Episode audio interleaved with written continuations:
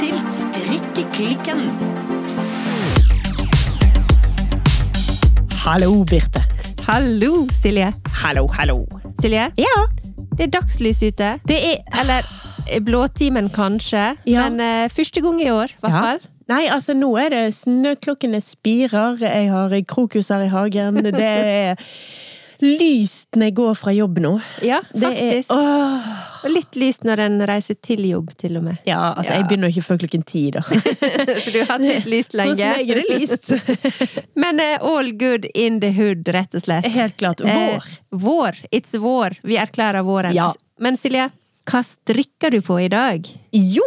Først må jeg jo si hva jeg har strikket ferdig. Oi, du har hatt uh, sanne veker, du. Ja, Ja. altså nå har jeg jo holdt på i et par episoder med å eh, rekke opp igjen uh, bråtet og nederst på ermene på uh, min cherry sweater med striper. Ja, og den ble veldig fin.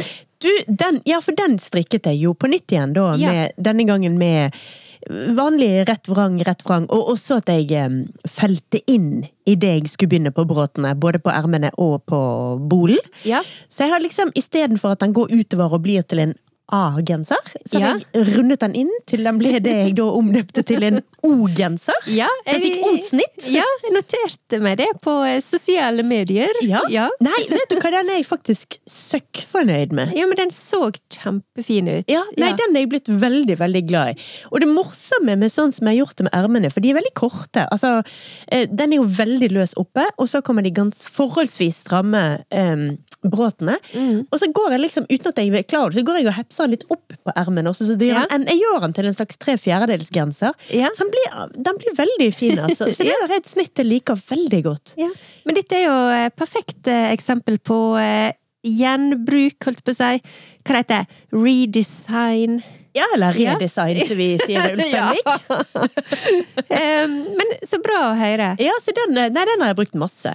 Så nå eh, det, Altså, denne sesongen av strikkeklikken, Ja, vårsesongen. vårsesongen, Ja. den tror jeg for min del kommer til å bli fylt med at jeg ferdigstiller ting og tar opp igjen prosjekter som kanskje ikke har blitt eh, tipp topp tommel opp. Ja, du annonserte jo litt i forrige episode at det, det ble kanskje litt sånn mer opprekk enn eh, Ikke så nødvendigvis opprekk, noe av det er ren ferdigstilling. For vet Ja. du hva jeg blant annet fant nede i en pose? Som er hadde helt can't, glemt? Can't imagine. Jeg føler det kan være alt mulig. Ja, nei, altså aften, Aftenstrikkpleddet mitt. Jeg har jo aldri sydd ferdig de stripene på det. Nei! Så jeg har et helt pledd som er ferdig strikket. Jeg mangler å hekle kanten rundt. Den har jeg bare kommet halvveis på, så mangler jeg å sy inn noen striper. Og hvorfor det stoppet opp der, det er sikkert bare fordi at da Nei, da begynte jeg vel på et annet prosjekt, så det vil ta meg sikkert to timer å bli ferdig med et pledd. Men uansett, Ja. det jeg holder på å ferdigstille nå, da, Ja. det er denne Ja, altså, det, det begynte jo som ett prosjekt, og så ble det noe helt annet. Det er utvilsomt en genser, og Ja. det er strikket i dette her angelgarn fra eh, Hettestrikk. Ja, fra Yes. Hettestrikk. I fargen eh, bo, bo, bo, bo, bots, Botsmann? Nei. I hvert fall veldig sånn blå hav... Altså Hvis jeg skal beskrive fargen Dette er jo da håndfarget garn, men jeg kan beskrive det som stonewashed Levis bukse fra 1989.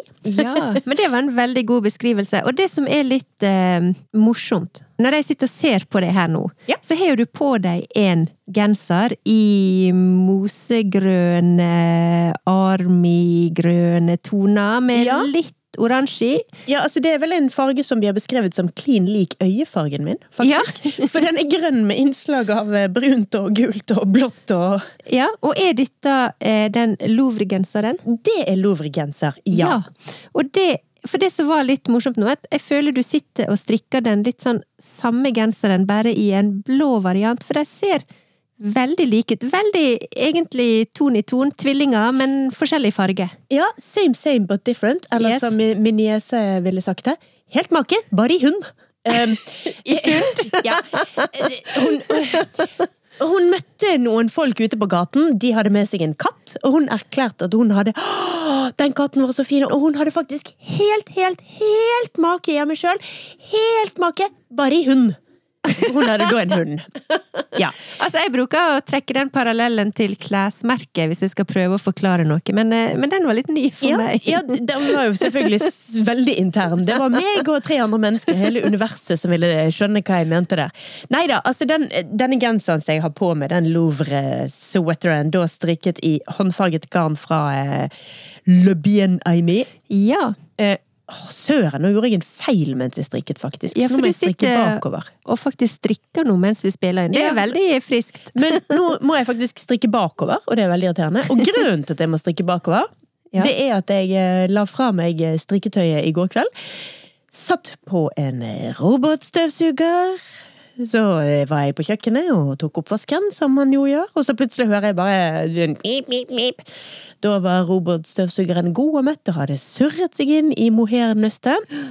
Og hadde selvfølgelig da laget en gigafloke og røke garnet. Heldigvis hadde han ikke fått tak i hele strikketøyet. da. Garnet hadde heldigvis røket. Men nå har jeg da tydeligvis strikket videre bare med den ene tråden, og ikke fått med meg at jeg har gått tom for mohairtråd her. Um, Men ja, denne genseren som jeg nå strikker jeg strikker uten oppskrift, men den blir ganske lik i snittet som Louvre-sweateren.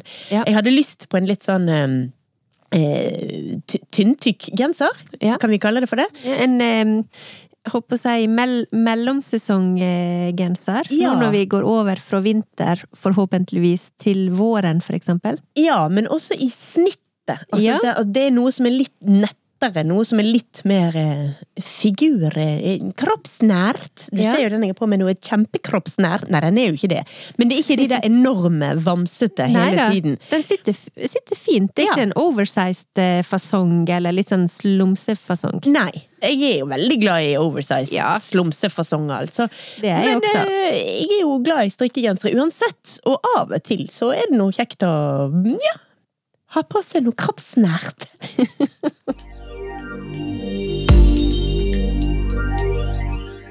Men det var min eh, strikkeodyssé. Ja.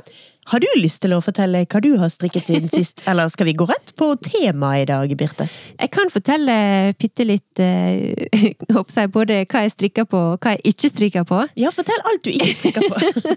Jeg kjemper videre med denne her eh, sweater nummer 14. Jeg skjønner ikke hvorfor det går så sakte med meg. Jeg hadde kjempa med denne her opprekkinga, som jeg ikke skulle rekke opp likevel. Ja. Og nå har jeg kommet til neste bøyg, og vet, vet du hva det er? Nei? Jeg må, jeg må nøste hespe. Ja, men eh, altså, Strikkeklikken er jo den stolte innehaver av en eh, både et sånn eh, Det som ikke heter hespetre, men en sånn Garnvinde. ga- garnvinde, ja, Ja. og et nøstesnurrer. Yes, og jeg jeg har trenger Du har begge deler! Jeg har Takk! begge deler hjemme med meg. Takk, jeg vet det! For jeg må fremdeles nøste opp med å legge en av spisestuestolene over en eh, lenestol. Så jeg er utmerket klar over at det er du som har våre. Ok, men eh, da fikk jeg et eh, insentiv til å eh, nøste hespene mine, sånn at jeg både kommer meg videre, og neste gang jeg kommer ut hit, så kan jeg ta med meg, sånn at du skal få slippe å hoppe seg, knekke armer og bein Ja, men det er fantastisk, for vi har jo ikke bare en sånn eh, garnvinde, vi har jo en fantastisk garnvinde. Den har jo Ja. til og med navn. Ja. Eh, hva var det vi kalte den? Eh. Chartertrusen, selvfølgelig. Ja, den er knallgrønn. Ja, Ja. og den For nye lyttere nå. nå. Nå er det litt sånn alle skal med. Ja. Nei, altså. For kjempelenge siden så erklærte vi jo på, eh, på strikkeklikken at min favorittfarge er chartreuse. Ja. Og dette la vi også ut på sosiale medier. Men chartre... Vi snakker mye om chartreuse, for å si det sånn. Ja. Men chartreuse skrives jo på en litt sånn eh, snål måte. Det er jo en C og en H og en eh, chartreuse. Altså, det skrives på en ekstremt fransk måte, Ja, som gjør at vi får problem med Vi for, en gang. Ja, men det fikk jo ikke bare vi, det fikk jo også leserne våre. Og nå snakker jeg ikke om lyttere, men leserne våre.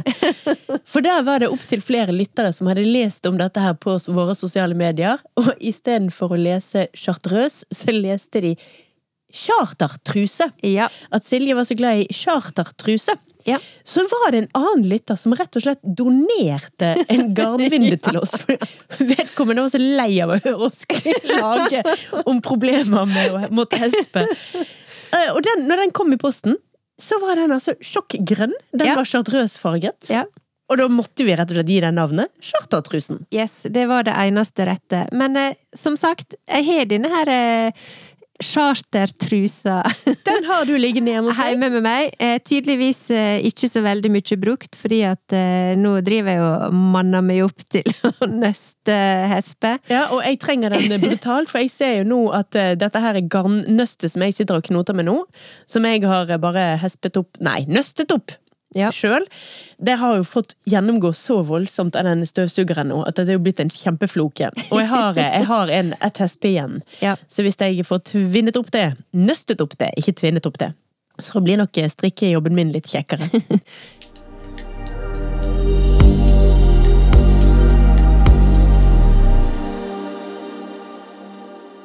Men eh, ja da, så jeg kjempa videre med min soette nummer 14. Jeg hadde jo noen sånne småprosjekt inne før jul, og jeg har egentlig flere på planen. Jeg har faktisk jeg kom på det når du sa at um, du hadde så mange prosjekt liggende som du ville ferdigstille. Ja. Um, jeg har jo et sånt Sophie-skjall Ja.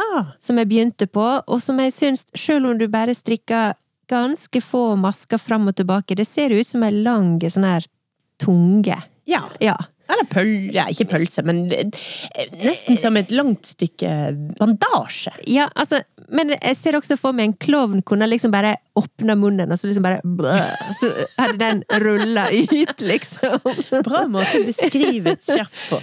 Men, en eh, klovn åpner munnen, og ut renner skjerfet. ja.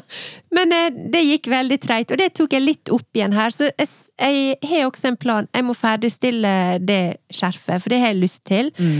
Og så ga det meg Altså, når jeg var inne litt på småstrikk før jul, det ga egentlig veldig mersmak. Ja. Eh, og det var veldig kjekt å strikke både hals og hue. Jeg begynte på det her skjaldet. Og det her Sophie-skjold, det fins det jo også i en større versjon, som du kan eh, på en måte ha litt rundt hodet hvis du vil. Uh, noe for meg. Jeg er jo så glad i å surre ting rundt hodet. ja, så jeg ble litt sånn uh, intrigued på litt uh, forskjellige sånne småprosjekt. Jeg har masse restegarn hjemme.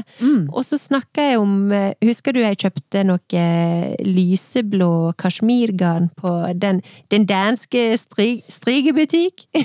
Det husker jeg. Ja, ja. Ja, det har jeg fortsatt liggende, og jeg kjøpte jo bare to, skulle ha kjøpt tre, eh, ser jeg nå da. Ja. Eh, For da hadde jeg hatt litt mer, eh, litt mer fleksibilitet på eh, hva jeg kunne bruke det til. Ja. Men jeg tror at jeg har noe til et sånt eh, Snakke om en sånn eh, bandana Ja, men fra Deima. vet du hva som også hadde vært veldig fint å strikke av det? Ja. Siden du har såpass lite også. Ja. Pulsvarmere som du kan gå med under klærne, som bare stikker ut under klærne. Så det ser ut som om du går med en full on tjukk genser under klærne. Ja. Um, ja, det kunne jeg gjort, men jeg merker ikke sånn super... Altså, jeg syns det kan være fint på andre, jeg har ingenting mot det, men det er ikke noe jeg ville ha brukt.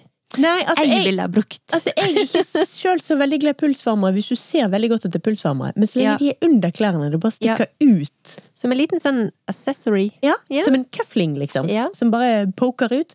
Pluss at da føler jeg meg så gøyal også, for da føler jeg at jeg lurer hele verden. At liksom, se på meg, jeg har på meg tjukk genser under genseren. Du Nei, trodde det var en genser! jo, det hadde vært en bra sketsj eh, på TV, tror jeg. Men i best case så hadde jo jeg for eksempel eh, kjøpt eh, tre sånne kasjmirnøster. Ja. Da hadde jeg definitivt vært i gang og mest sannsynlig ferdig med en balaklava nummer én allerede. For det hadde vært liksom mm, Det hadde vært perfekt. Men jeg har litt for lite tråd. Men ok, eh, det var det. Muligens noe småprosjekt. Eh, forhåpentligvis noe storprosjekt på denne her eh, sweater. Evigvarende sweater nummer 14. Så det er status her i gården.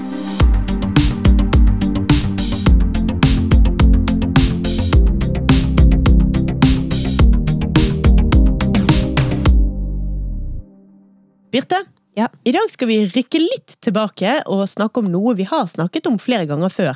Men ja. selvsagt med nye ting i dag, og også, dette er jo også temaer som aldri blir ferdig. Nei, jeg føler at uh, Skal ikke liksom holde folk på pinebenken lenger, men vi må snakke litt mer om dette her populære ordet bærekraft. Ja. Ja. Vi må snakke om to ting, egentlig. Bærekraft og litt sånn eh, Ja, litt verden i krise. Ja, Verden i krise og bærekraft. ta inn over oss eh, alt mulig her nå. Ja. Men jeg, jeg er enig, og vi prøver jo, og jeg håper jo, og vi merker jo at lytterne våre også veit og merker at vi er opptatt av bærekraft. Mm -hmm.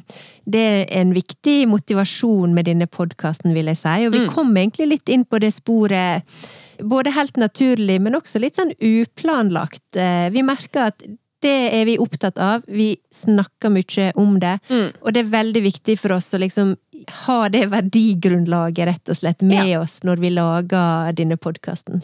Ja, og vi ser jo også på tilbakemeldingen vi får, at dette er noe som lytterne våre, altså strikkere, er også opptatt av bærekraft. Ja. Det, er, det går en eller, eller kanskje, for hva jeg vet, kanskje alle i hele verden er opptatt av det. Men i alle fall eh, vår lille krok av verden, våre lyttere, strikkeklikken, er opptatt av bærekraft. Og det gjør jo oss selvfølgelig kjempeglade. Men det er jo i tillegg til dette med bærekraft, så har jeg også litt lyst til å snakke om dette med krisetider i dag. Ja. Altså, det går jo eh, Det, det går jo ikke så bra Nei. eh, i ver verden. Vi har ikke snakket noe særlig om eh, hvordan det går i Gaza, men det Nei. er jo knallhardt. Ja. Vi snakket en del, eller i hvert fall litt om Ukraina når det begynte. Da Mm. blant annet så donerte jo vi Strikkeklikken sine penger en måned til Flyktninghjelpen. Ja. Men det går jo veldig dårlig i Ukraina nå. Nå driver Russland og vinner fremover. Og eh, jeg som er usedvanlig opptatt av og glad i podkaster, sitter og hører fryktelig mye på podkaster nå om krisetid, og om at eh, ja, der er, der er en del folk som truer med at dette er starten på tredje verdenskrig, og ting går ikke bra. Og når vi startet denne podkasten, så var jo det litt grann også med bakteppet av korona. Som vi kanskje nå kan, om ikke akkurat le av, så kan vi i hvert fall føle at det er et tilbakelagt kapittel. ja. Det, Eh, det er ikke noe skummelt med korona, syns jeg nå. Nei, akkurat nå er jo ikke det, men eh, det er jo klart at eh, det er jo mye som tilsier at eh, det blir nye pandemier i Og kanskje flere pandemier i året, åra framover. Absolutt. Eller i framtida, nær framtid. Og det er jo litt det som en så eh, under eh, korona, og for så vidt eh, noe som vi på ulike nivåer var en del av også, det er jo det her at når det er krisetid, så blir jo det også strikketid. Det er absolutt det det blir. Altså En ting er nå selvfølgelig at selve strikkingen gjør at man på en måte får det bedre og man slapper av. Men grunnen til at jeg nå lenker dette sammen med bærekraft, det er jo også det at det å gjøre oss Altså gjøre oss litt mindre avhengig av andre land. Sant? For eksempel i Norge så er vi ganske gode på matsikkerhet. Ja. Vi er opptatt av eh, ja, å være, om ikke akkurat sjølberga, jeg skal ikke si at vi klarer oss uten import i det hele tatt, men det er, gis veldig mye subsidier i Norge for at eh, bonden skal levere kjøttet og melken og alt dette her. Mens det gis, så vidt jeg vet, veldig lite subsidier for at vi skal klare oss med tekstilindustri Ja. tekstilindustri, der er vi jo totalt avhengig av andre land, og da stort sett såkalt lavkostnadsland. Og dette er jo en utvikling som eh, egentlig skjedde før vår tid, da. Altså fra gammelt av så hadde jo Norge en eh, veldig sterk tekstilindustri. Ja. Det har vi jo lært. Ja. Spesielt på Vestlandet. Men i dag har vi jo knapt tekstilindustri. Og vi er dønn avhengig av å importere my veldig mye fra Kina. Og det ble et kjempeproblem under koronaen. Når man plutselig trengte disse her maskene, for eksempel. Altså, alle skulle gå med masker, men det var ikke mulig å få tak i masker. Nei. Altså, når du sa maske nå, så kjente jeg at det er jeg veldig ferdig med. Du er veldig ferdig med masker, ja. ja. Det er liksom noe som jeg nesten har fortrengt, eh, tror jeg. Ja. Det maskeopplegget. Men du har helt rett, så, så det du egentlig sier, da, det er at eh, hvis vi hadde gått inn i ei eh, Ja, la oss kalle det jeg vil si ekstrem, eh, og her vi sitter i dag, litt fjern krisetid, men samtidig kanskje nærere enn på lenge, så hadde vi kanskje fått litt sånn eh, etter min smak, da, litt sånn kjedelig og traust eh, mat, men vi hadde nå i hvert fall hatt mat på bordet. Men vi hadde kanskje frosset litt, eller ja, sikt i altså, hvert. På sikt, Hell i uhell så er jo Norge stappa full av klær. Det har vi jo snakket mange ganger om, at de fleste av oss har jo bugnende klesskap, og det vil jo ta en god bit tid å slite ut alt dette. Så Ja. vi går jo ikke tom for klær den første måneden, liksom. Oi, da, da må vi gå naken hele gjengen. Det er jo ikke sånn. Men det handler jo om flere ting. Det handler om at det selvfølgelig i et bærekraftsperspektiv er mye mindre miljøskadelig og klimaskadelig å produsere lokalt. Det er jo noe dritt å produsere ting i Kina, Thailand, you name it, et eller annet lavkostnadsland.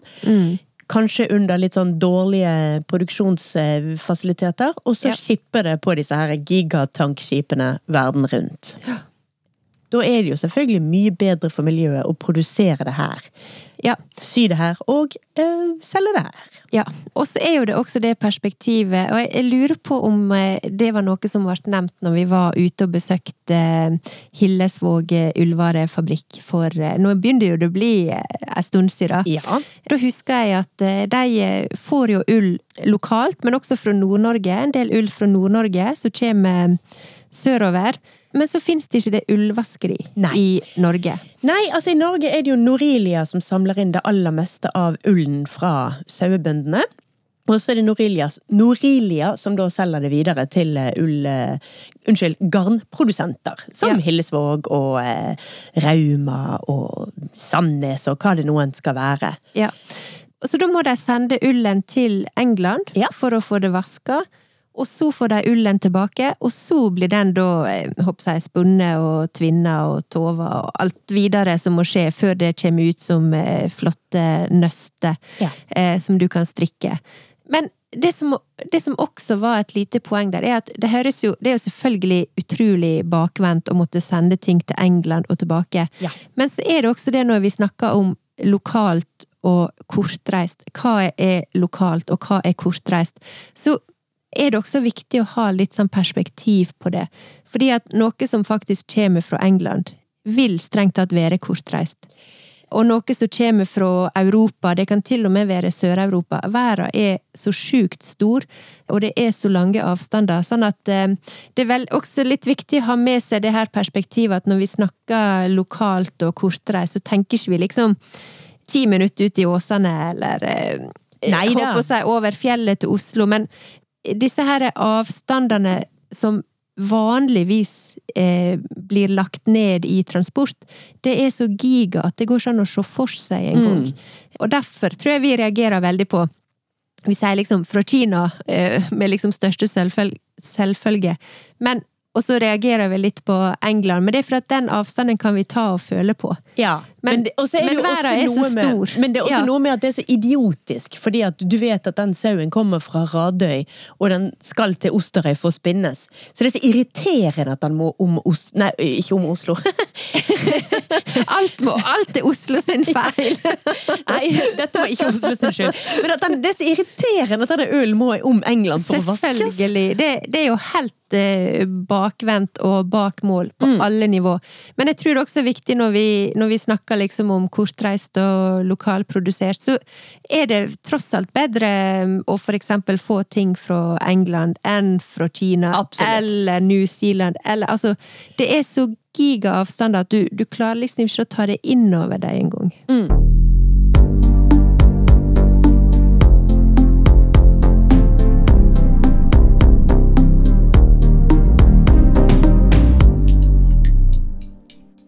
Noe av det som førte til at jeg hadde så lyst til at vi skulle snakke om både krisetid og, eh, og bærekraft i dag, det er fordi at forrige uke så hørte jeg et, eh, et intervju med Ingunn Grimstad Klepp, vår, Ja. vår gode venninne som vi gjorde en dobbeltepisode med. Eh, Ja, det var her fra strikkehytta. her fra Strikkehytta. Yes. hvor vi la den ut høsten 2022, mener jeg det var. De episodene ligger selvfølgelig fremdeles i eh, kartoteket vårt, både på nettsiden og de andre tingene. Ja.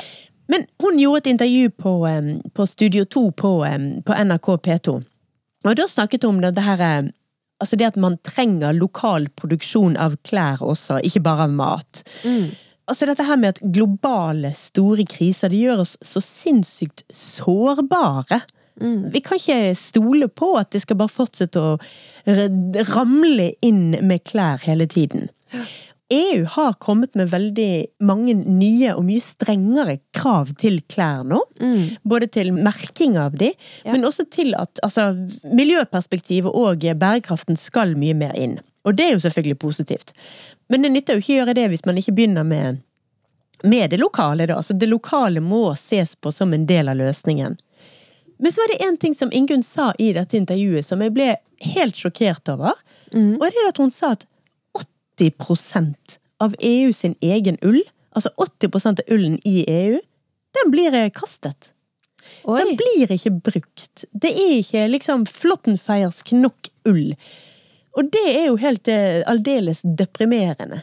Ja. Da har man jo vent seg til tulleull fra eh, Ja, mjuk tulleull fra New Zealand, når man kunne hatt eh, staut eh, Staut eh, håndfast Ja. ull. Så rett og slett uh, ullsvinn er et stort problem. Litt sånn som vi har matsvinn. Og det er jo utrolig paradoksalt. Ja. På sau er det jo enda verre, for i Norge har vi jo altså vi har jo overproduksjon av sauekjøtt også. Så vi har overproduksjon både av altså i hvert fall av sauekjøtt. Jeg vet ikke hvor stor prosentandel av ølen i Norge som går eh, i eh, søpla og ikke brukes. Men jeg frykter at det er ganske høye tall der også. Jeg skjønner jo at å mm, ta vare på all norsk ull sikkert blir vanskelig fordi våre sauer går så naturlig. Og da blir de jo møkkete og trevler seg fast i alt mulig. Jeg skjønner at det ikke blir den mjukeste, mjukeste, fineste, mest fluffy ullen av det. Men um, man burde jo kunne finne andre ting å bruke det til likevel. Ja, definitivt. Eh, og det som slo meg nå også, er jo det at eh, For når du begynte å snakke om eh, lokal produksjon og tekstilindustri, og vi veit at det finnes jo noen hederlige unntak i dag, men veldig mye av for eksempel klesproduksjon, som vi hadde en del av i Norge for på midten av 1900-tallet, kanskje, det fins det jo ikke her lenger. Nei. Og jeg tenkte med en gang når du snakka om, eh, om å produsere på en måte, om det er ull eller klær eller tekstil eller hva det er Det er klart at det krever jo en viss eh, kjøpsvilje eh, Ja. blant forbrukerne, fordi at det blir jo dyrt, og det er jo ingen tvil om at pris er jo viktig inne i bildet her.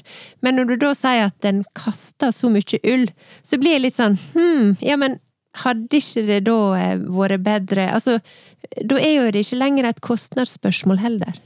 Nei, altså du får nok aldri eh, klær produsert i Norge til samme pris som klær produsert i Thailand.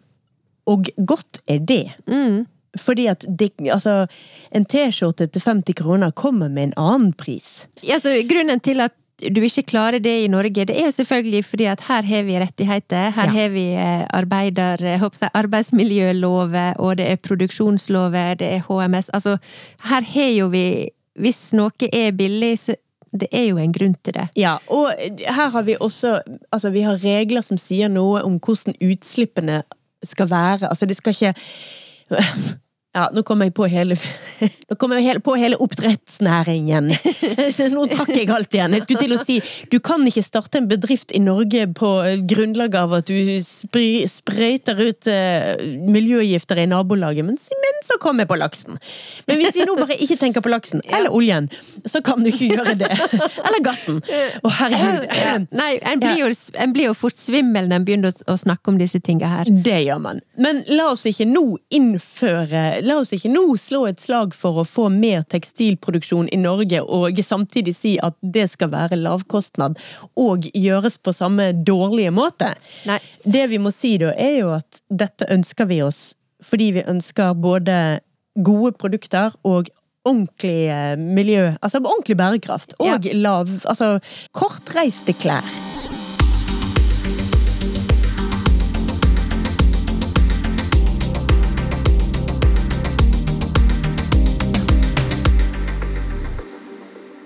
Men alt dette når vi snakker om bærekraft og eksempel klær, og vi snakker produksjonsmåter, vi snakker kostnad Jeg leste en eh, artikkel nylig om eh, noen som reagerte på at det hadde blitt så dyrt eh, med bruktklær på Fretex. Ja. Og det kan jo jeg for så vidt si meg eh, enig i. Mm. Eh, tida der du kunne gå på Fretex og gjøre liksom sånn her kupp av både høye og lavtstående merker, den er definitivt forbi. Men det store problemet her, eller utfordringa, det er jo det at eh, Og det var et poeng i denne artikkelen at eh, de brukte klærne på eh, Fretex er dyrere enn det du kan gå og kjøpe i kjedebutikkene. ja. Og da er vi på ville veier. Da er vi på helt sinnssykt ville veier. Ja. Men jeg har et tips her, altså. Ja. Og det er at ja, Fretex har blitt dyr, men loppemarkedene har ikke tatt det der prishoppet. Nei. Eh, Loppemarkedene er fremdeles håpløse på vinylplater, og for det har samlerne oppdaget for lenge siden.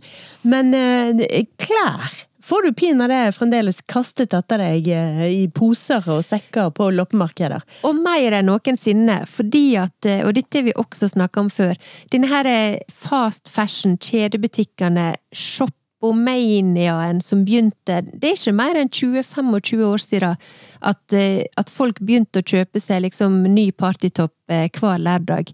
Så det her er forbruket, og nå begynner jo vi å se konsekvensene av det, fordi at verden flommer jo over av klær. Ja. Eh, Det er blitt så billig å kjøpe klær, ergo er også bruktmarkedet så giga, giga stort. Det er ikke sånn nå lenger at du går inn på en bruktbutikk, og så finner du en rare, unique, vintage piece, liksom, som ingen andre kan ha. Du går inn på en, eh, en bruktbutikk, og det bare flommer over med klær. Og det sier jo noe om de store utfordringene som dette forbruket har skapt. Ja, absolutt.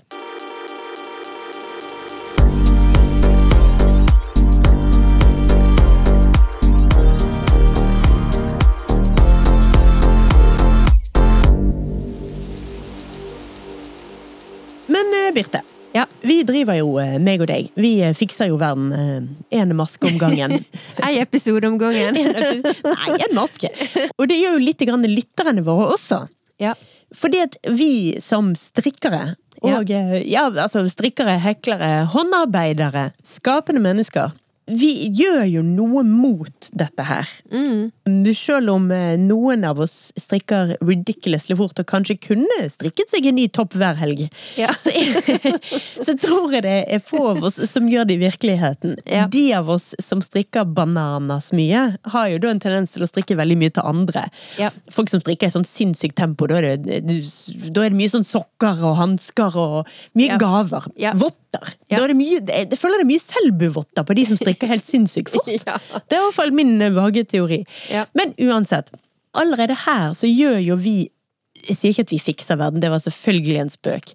Men vi gjør en liten motreaksjon da, mot dette her eh, fast, fast fashion. Ja, fordi at selv om du strikker fort, så legger du likevel ned ganske mye tid i et strikkeplagg. Ja. Og det å få innblikk i hva det faktisk krever, og sånn sett koster å produsere en genser eller et plagg, votter, hva det skal være, det gjør jo at du får eh, eh, respekt for eh, produksjonsprosessen.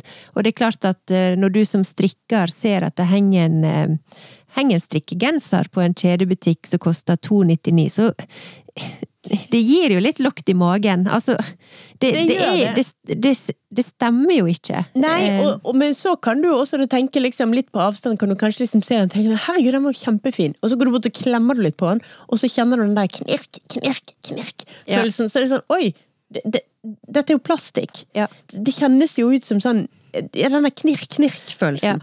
Og så mister den all sin sjarm. charm. Ja, så alle strikkere er jo Det som er bra med å strikke, det er jo at alle vi som strikker, blir jo sånn sett en del av en veldig sånn eh, fin og bærekraftig eh, produksjonslinje. Ja, men jeg har også lyst til å ta dette her i to deler.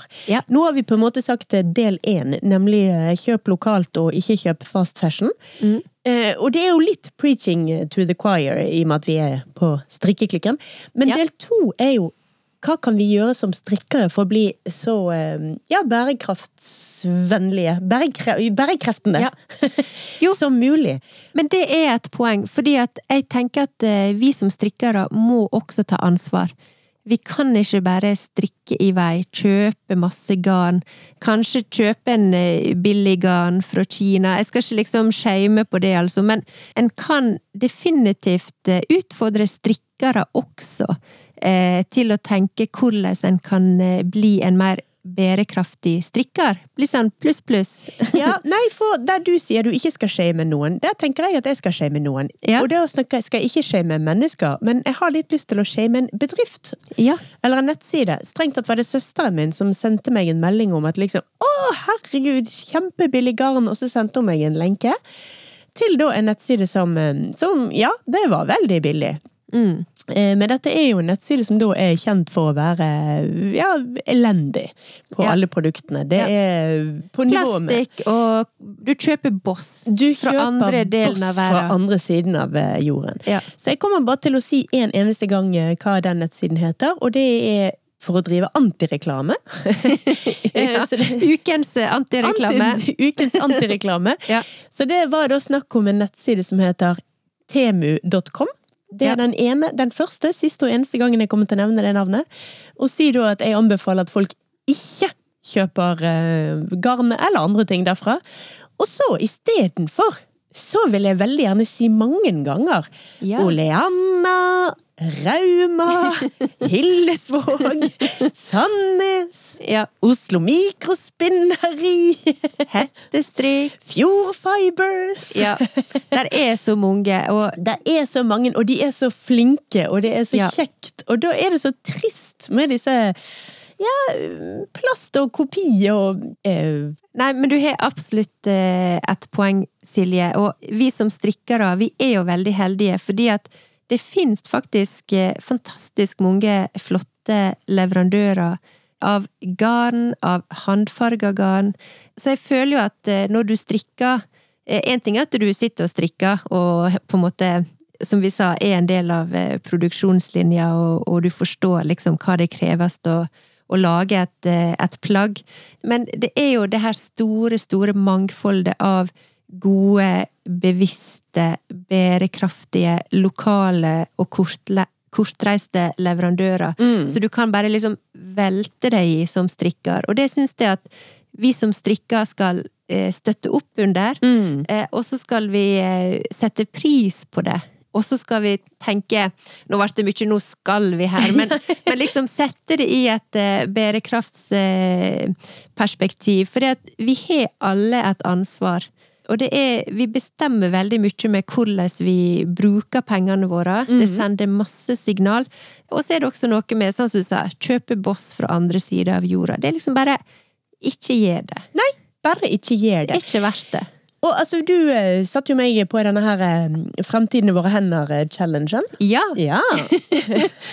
Hvordan går det med den, Nei, forresten? det går veldig fint. Ja. Eh, Nei, jeg har ikke kjøpt noe klær. Jeg, altså, jeg Nei. oppdaget her nå, men jeg tror det ikke går under eh, Jeg tror det var utenom. Ja. For jeg oppdaget her i stor vaskeklær, så tenkte jeg kjære vene. Jeg må, blir dette kanskje rart ting å si på lufta?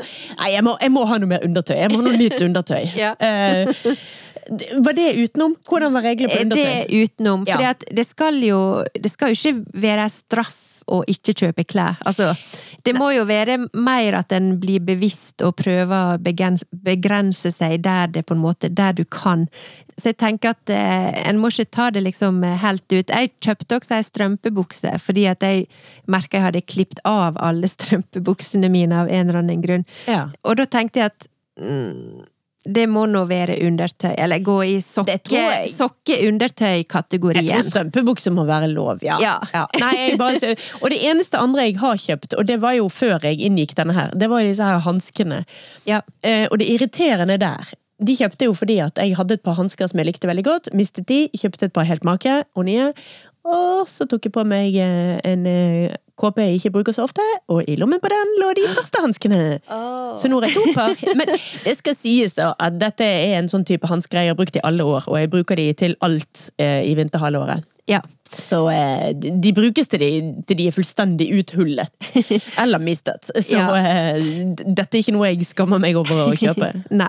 Men altså, det vi snakker om nå, er jo det som eh, på populærspråket blir kalla the rule of five. Og som handler om Her i Norge, da, så er det Fremtiden i våre hender som eh, på en måte har tatt den kampanjen eh, til Norge. Og sprer det gode ord og budskap her. Eh, Men det handler om at du ikke skal kjøpe mer enn fem nye plagg i løpet av eh, 2024. Eller i løpet av et år. Jeg og du har eh, signert oss opp, eh, og jeg merker at eh, jeg syns det er veldig befriende. Og liksom bare, og bare liksom Det er akkurat som at den delen av liksom å det å skulle kjøpe noe, eller det å se etter noe, eller det å prøve å finne noe, det jo liksom bare jeg bare lagt det vekk. Jeg er ikke interessert. Um, Nei. En, en, en, nei. Tror, tror du jeg har merket noen forskjell i det? Nei. Jeg har ikke merket noen forskjell. Rett og slett ingenting. Men um, jeg men må jeg jo det er en kjekk, for meg er det en kjekk challenge, rett og slett. Da. Ja, men Ja. jeg har jo en annen challenge jeg også jeg må oppdatere våre kjære lyttere på. Da. For jeg Ja. hadde en annen challenge som var jeg skulle ikke spise noe søtsaker eh, eller drikke alkohol. Ja. Og, sånn? Jeg hadde sånn konkurranse gående med søsteren min og det- niesen min og datteren min. Ja. Den første av oss som sprakk, måtte ut med 700 kroner til de andre. Ja. Med andre ord, liksom, ett stykke sjokolade vil koste deg 2100 kroner. Jeg aner at eh, challengen er avblåst her. Ikke akkurat avblåst, den er tapt. Den er tapt! Jeg spiste verdens dyreste bolle. Jeg spiste, Det, det overrasker meg at det var du! jeg spiste en bolle, måtte betale 2100 kroner! Og etter det har jeg mollkost meg. Ja, ja, men Da er det bra du ikke skal kjøpe masse nye klær i år, da. Ja, Så nei, det går det opp i opp.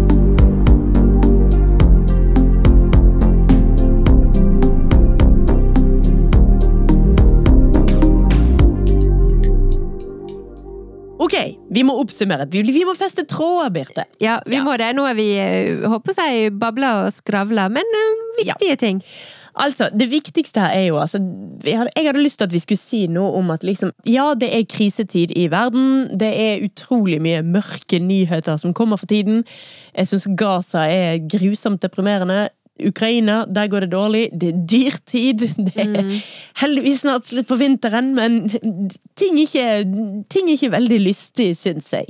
Nei. Og det merker man også eh, Ja, altså på ens egen holdning til ting. Da, altså, og, og liksom, man, kjenner det jo igjen i det hele tatt i samfunnet, hvor vanlig det er blitt med at folk ønsker seg høns i hagen, eh, som jo jeg har. Eh, Ja. Nå har jeg faktisk bare tre. Jeg måtte ta en av de forrige helg. Oi. Jeg fikk en syk høne. Ja. Ja, så hun mistet hodet. Ja. ja. Men uansett, ja, Ja. det var ikke, det var ikke Hvil i fred. Hvil i fred, Pepino. Ja. Men hvis vi ikke snakker om eh, høns altså Dette med eh, sant, alt som man holdt på med under koronaen, med planter og surdeig og alt dette. Og det var jo da veldig mange begynte å strikke. Mm. Men det henger jo veldig igjen, fordi det er fremdeles urolige tider. Det er fremdeles altfor høye tall på folk som har eh, psykiske problemer. Ja. Eh, altså unge mennesker og dårlig psykisk helse. Det er jo en hel oppblomstring der som bare er kjempetrist. Ja. Og vi kan vel uten underdrivelse si at vi er jo veldig langt unna eh, Parisavtalen 2030 også, hva gjelder bærekraftsmål. Absolutt. Så det er, og det i seg sjøl er jo deprimerende. Nå, etter hvert som åra går, så er det bare Nei, det, det gikk ikke. Ja, nei, det er litt følelsen av Nei, Ja. det gikk ikke. Så det er vondt, det er vanskelig, det er harde tider. eh, Og en liten ting vi kan gjøre, er å strikke. Ja. Og en next level-ting, Ja. det er å være litt bevisste strikkere. Ja. Men altså allerede med å gjøre del én, så kan vi litt klappe oss sjøl på skulderen og si vi gjør del én. ja. Og så med del to så uh, handler vi ikke på drittbutikker på nettet. Og så vil vi jo også oppfordre folk til å enten gå inn og signe seg opp på denne her eh, fem Hva er heter det? Fem Nei, eh, The Rule of Five heter det på engelsk, men hvis du går inn på eh, Det er vel fremtiden.no. Ja. Altså, du skriver bare under på et opprop. Du skriver under på en ikke bindende kontrakt i det hele tatt. Ja. På at du ikke skal kjøpe mer enn fem plagg på et år. Men Ja. du kan også bare love det til deg sjøl, Ja. altså, for det er bare det du gjør på den nettsiden der. Du lover bare til deg sjøl. Ja, og alt hjelper, Ja. eh, rett og slett. Og jeg tror jeg kan garantere at hvis du skriver under på det oppropet, så tror jeg ikke de kommer hjem til deg på slutten av året og sjekker klesskapet og tar, eh, tar deg for kontraktsbrudd hvis de finner en sjette genser. Altså, det er, ikke, det er ikke dyrt å bryte den challengen, eh, sånn som eh, med din godte-challenge, men det som du får når du signer det opp, det er jo en liten forpliktelse, og så kan du få litt sånn tips og triks og inspirasjon fra fremtiden.no til å liksom fullføre da den utfordringa som du har signert på.